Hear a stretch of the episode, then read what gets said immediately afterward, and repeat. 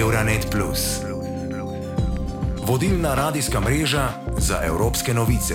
Želim si, da bi lahko letel, so sanje majhnih otrok že tisoče let, toda naša skupna uresničitev teh sanj se hitro spreminja v nočno moro, saj letalstvo zdaj velja za glavnega povzročitelja podnebnih sprememb. V tej epizodi se podajamo na potovanje po Evropi, da bi ugotovili, ali je mogoče kaj storiti, da bo potovanje z letalom čistejše, razen da si pristrižemo krila. Letalstvo je eden najhitreje rastočih virov emisij toplogrednih plinov. Po podatkih Evropskega parlamenta so se emisije iz mednarodnega letalstva do leta 2019 povečale za 146 odstotkov glede na ravni iz leta 1990. Toda zakaj letala tako močno onesnažujejo, zlasti v primerjavi z drugimi javnimi prevoznimi sredstvi? Predvsem zato, ker se zanašajo na fosilna goriva, vključno s kerozinom, tako pravi dr. Antonela Lita, koordinatorka italijanske podružnice Mednarodnega združenja zdravnikov za okolje. A to še ni vse, je povedala Giuliji, sodelavki z Radia 24. E questo in relazione al fatto che le combustioni di Pri izgorevanju fosilnih goriv, kot je izgorevanje premoga, nafte ali kerozina, se v zrak sproščajo prah, težke kovine, dušikov oksid in žveplovi oksidi in to vpliva na zdravje ljudi ter na podnebne spremembe. Nekaj, kar se pogosto spregleda, je, da so letala edina človeška dejavnost, ki sprošča onesnaževalce na ravni stratosfere. Na tej ravni se zgodijo kritične kemične reakcije, povezane z učinkom tople grede. Zato vsakeč, ko govorimo o podnebnih spremembah, ne da bi upoštevali potovanje z letalom, vemo, da je naš boj proti podnebnim spremembam že od samega začetka napačen. Parte già, diciamo così, in una condizione di grande debolezza. Že oktobra 2016 se je Mednarodna organizacija civilnega letalstva dogovorila o resoluciji za globalni ukrep za obravnavo emisij oglikovega dioksida iz mednarodnega letalstva. Schema za izravnavo in zmanjšanje oglika za mednarodno letalstvo ali Korzija želi stabilizirati emisije CO2 na ravni leta 2020, tako da od letalskih prevoznikov zahteva, da izravnajo kakršnokoli rast emisij po letu 2020. Toda to je samo lepa zunanjost te zahteve. Stabilizacija emisij ne gre niti približno dovolj daleč. V Uniji je morda bolj kot kjerkoli druge po svetu ključnega pomena ostati povezan in mobilen, vendar je nujno najti alternativne načine premikanja z nizkimi emisijami ali celo brez njih. Medtem ko železniško omrežje ponuja dostojno alternativo za številna krajša potovanja, pa ta način ni vedno možnost. In čeprav so zaradi napredka tehnologije oddaljeni sestanki vedno bolj izvedljivi, so fizični sestanki včasih še vedno potrebni. In kaj lahko storimo? Na to vprašanje so iskali odgovor na dogodku mobilnosti, tako imenovanih dnevih povezovanja Evrope 2022, ki je nedavno potekal junija v Franciji. Dogodek je bil osredotočen na strategijo Unije za pametno mobilnost in promet prihodnosti, pa na preučevanje in spodbujanje vrhunskih inovacij ter na pogled zelene preobrazbe letalstva. Ta preobrazba mora potekati na vseh ravneh, na ravni letala, letalske družbe, nacionalni ravni in ne nazadnje na ravni uporabnikov. Prvič, proizvajalci si lahko prizadevajo izboljšati in razogličiti svoje letala. Če so letala lažja, naprimer z uporabo kompozitnih materijalov, bodo porabila manj goriva. Poleg tega tako imenovani neoreaktori zahtevajo manj goriva, kar omogoča zmanjšanje za približno 2 do 4 litre na osebo na 100 km. Justas Nugaras, dekan letalskega inštituta Anatasa Gustjasa Univerze Tek v Vilni, se je pogovarjal z Augustejem, našim litovskim kolegom v Žini Radijas. Nugaras poudarja, da je viden določen napredek.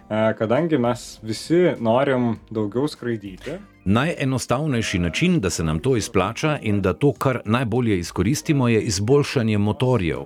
Ocenjuje se, da podjetja izboljšujejo porabo goriva v letalih za 2 do 3 odstotke na leto in s tem zmanjšujejo emisije. To se morda zdi majhna številka, a če pogledamo čez 10 ali 20 let, bi bil padec res velik. To noro visu daugiau skraidyti. Pa vendarle bo ta preobrazba trajala še kar nekaj desetletij. Na portugalskem se je Kristina z radia Renašensa srečala z Luisom Brago Camposom, profesorjem, specializiranim za vesoljski inženiring na Lizbonskem inštitutu Superior Technico. Za pridobivanje energije za naše lete je izpostavil možnost uporabe naših odpadkov. Há muito lixo, há o lixo urbano. Odpadkov je veliko, mestni odpadki, gozdni odpadki. Te odpadke je mogoče reciklirati za proizvodnjo goriva, saj vsebujejo organske snovi. To je rešitev, ki ima same prednosti. Po eni strani se znebite odpadkov, ki onesnežujejo, po drugi strani pa proizvajamo koristno gorivo. Kakšne so slabosti? No, zbiranje vseh teh odpadkov in energija, ki se porabi za njihovo predelavo, in potem je vprašanje, ali bomo imeli dovolj goriva. Mogoče ne, vendar je to ena tistih rešitev, ki koristijo vsem. Prednosti so v tem, da se znebite nečesa nezaželenega, odpadka, hkrati pa to spremenite v nekaj koristnega, gorivo. Torej je vprašanje organizacije in naložb. Ne smemo zanemariti rešitev, ki so lahko samo koristne. E nós não devemos desprezar estas soluções, porque, como disse, são as soluções que só têm vantagens. 24. junija letos je Evropska komisija ustanovila Zvezo za letalstvo brez emisij, da bi industriji pomagala pri pripravi na uvedbo električnih in vodikovih letal. Zavezništvo bo vključevalo predstavnike proizvajalcev letal, letalskih družb, letališč, pa dobaviteljev goriva, tudi agencij za standarde in certificiranje ter regulatorjev. Slovensko podjetje Pipistrel je začelo leteti na električni pogon že leta 2007 in v tem trenutku je tudi edini proizvajalec, ki strankam, kjerkoli na svetu, dobavlja električna letala. Gre večinoma za dvosede, čeprav je pred dvema letoma prvi polet uspešno prestalo tudi prvo štirisedežno hibridno električno letalo s pogonom na vodik. Pa bodo v zraku tudi kdaj potniška, tako imenovana zelena letala. Tehnični direktor skupine in direktor za raziskave ter razvoj pri podjetju Pipistrel Tine Tomažič. Seveda se nenehno ukvarjamo z izboljšavami in uh, v naslednjem desetletju se veselimo večjih novih izdelkov, uh, ki bodo popolnoma brezemisijska, vključno z 20-sedežnimi letali že za prevoz potnikov. Uh, mogoče že čez 15-20 let, sigurno se lahko Evropa veseli tudi potniškega prometa z mnogo večjimi, še vedno okolju prijaznimi letali. Tako da mislim, da je ta trend neizogiben, samo še vprašanje časa je, kdaj se tehnološka pripravljenost in stanje možnosti certificiranja teh izdelkov srečata.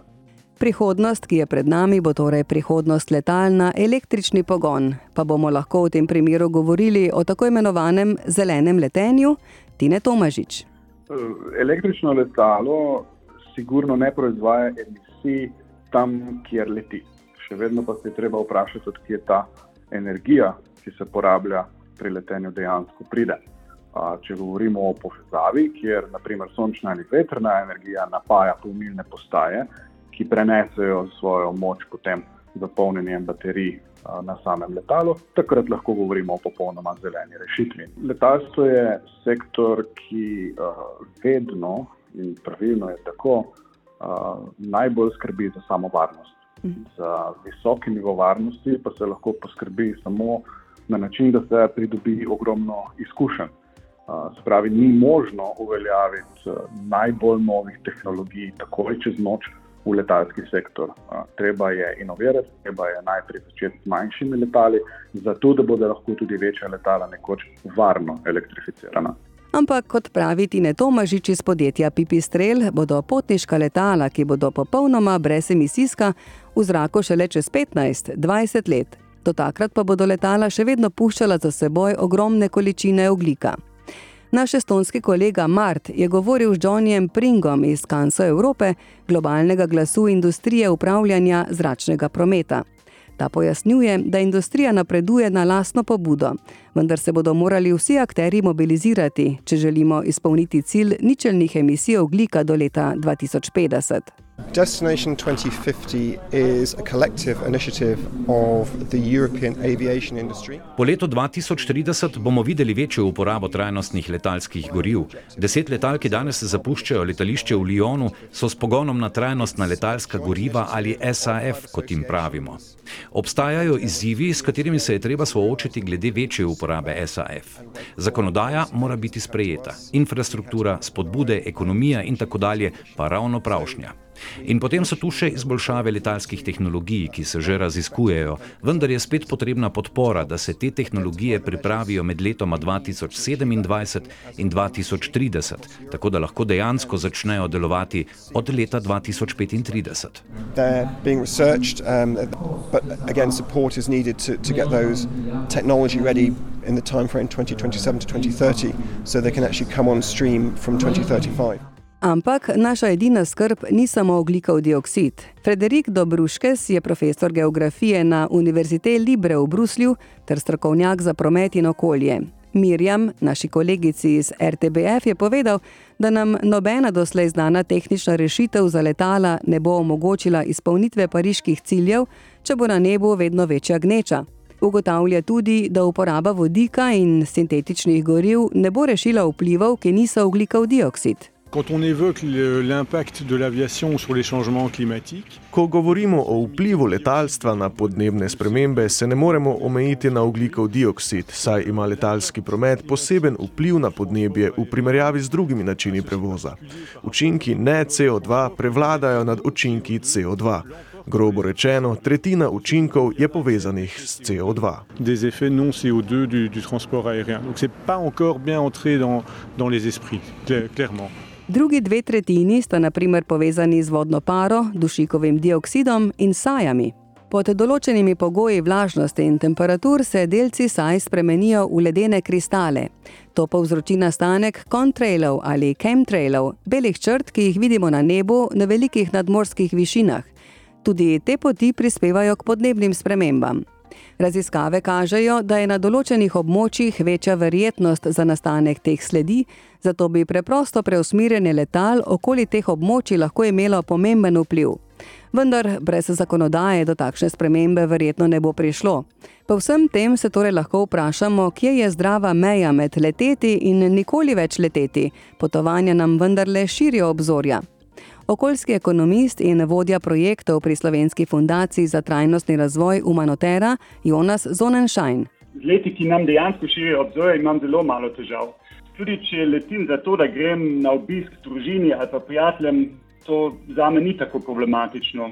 Je pa istočasno izjemno veliko letov, ki jim pravim bullshit flight ali brezvezno letenje. To je naprimer vikend izlet za, za shopping, leti z zasebnimi letali ali celo prazni leti samo zato, da letalski prevozniki obslužujejo svoje lete. Uh, mogoče pa še leti v prvem razredu ali pa business class, uh, vesoljski turizem. Mogoče lahko bi še dodali prevozne lete samo za stvari, ki jih nihče dejansko ne potrebuje, ampak pričakujemo, da so dostavljeni iz druge celine v dveh dneh ali pa še manj. Ja, brezvezno letenje ali pa bullshit flights samo obstajajo, ker je letenje umetno poceni. Potrebujemo res sistemske rešitve. Začeti tudi eh, zaračunati DDV na letalske karte, davke na kerozin, davke na CO2. Samo ker je tako poceni letenje, imamo vrsto letov, ki so res, kako bi rekel, brez veze. Dokler torej letalska industrija ne dokonča svoje preobrazbe, je naša odgovornost kot državljanov planeta Zemlja, da dvakrat premislimo o svoji tako imenovani pravici do letenja. Euronet Plus za boljše razumevanje Evrope.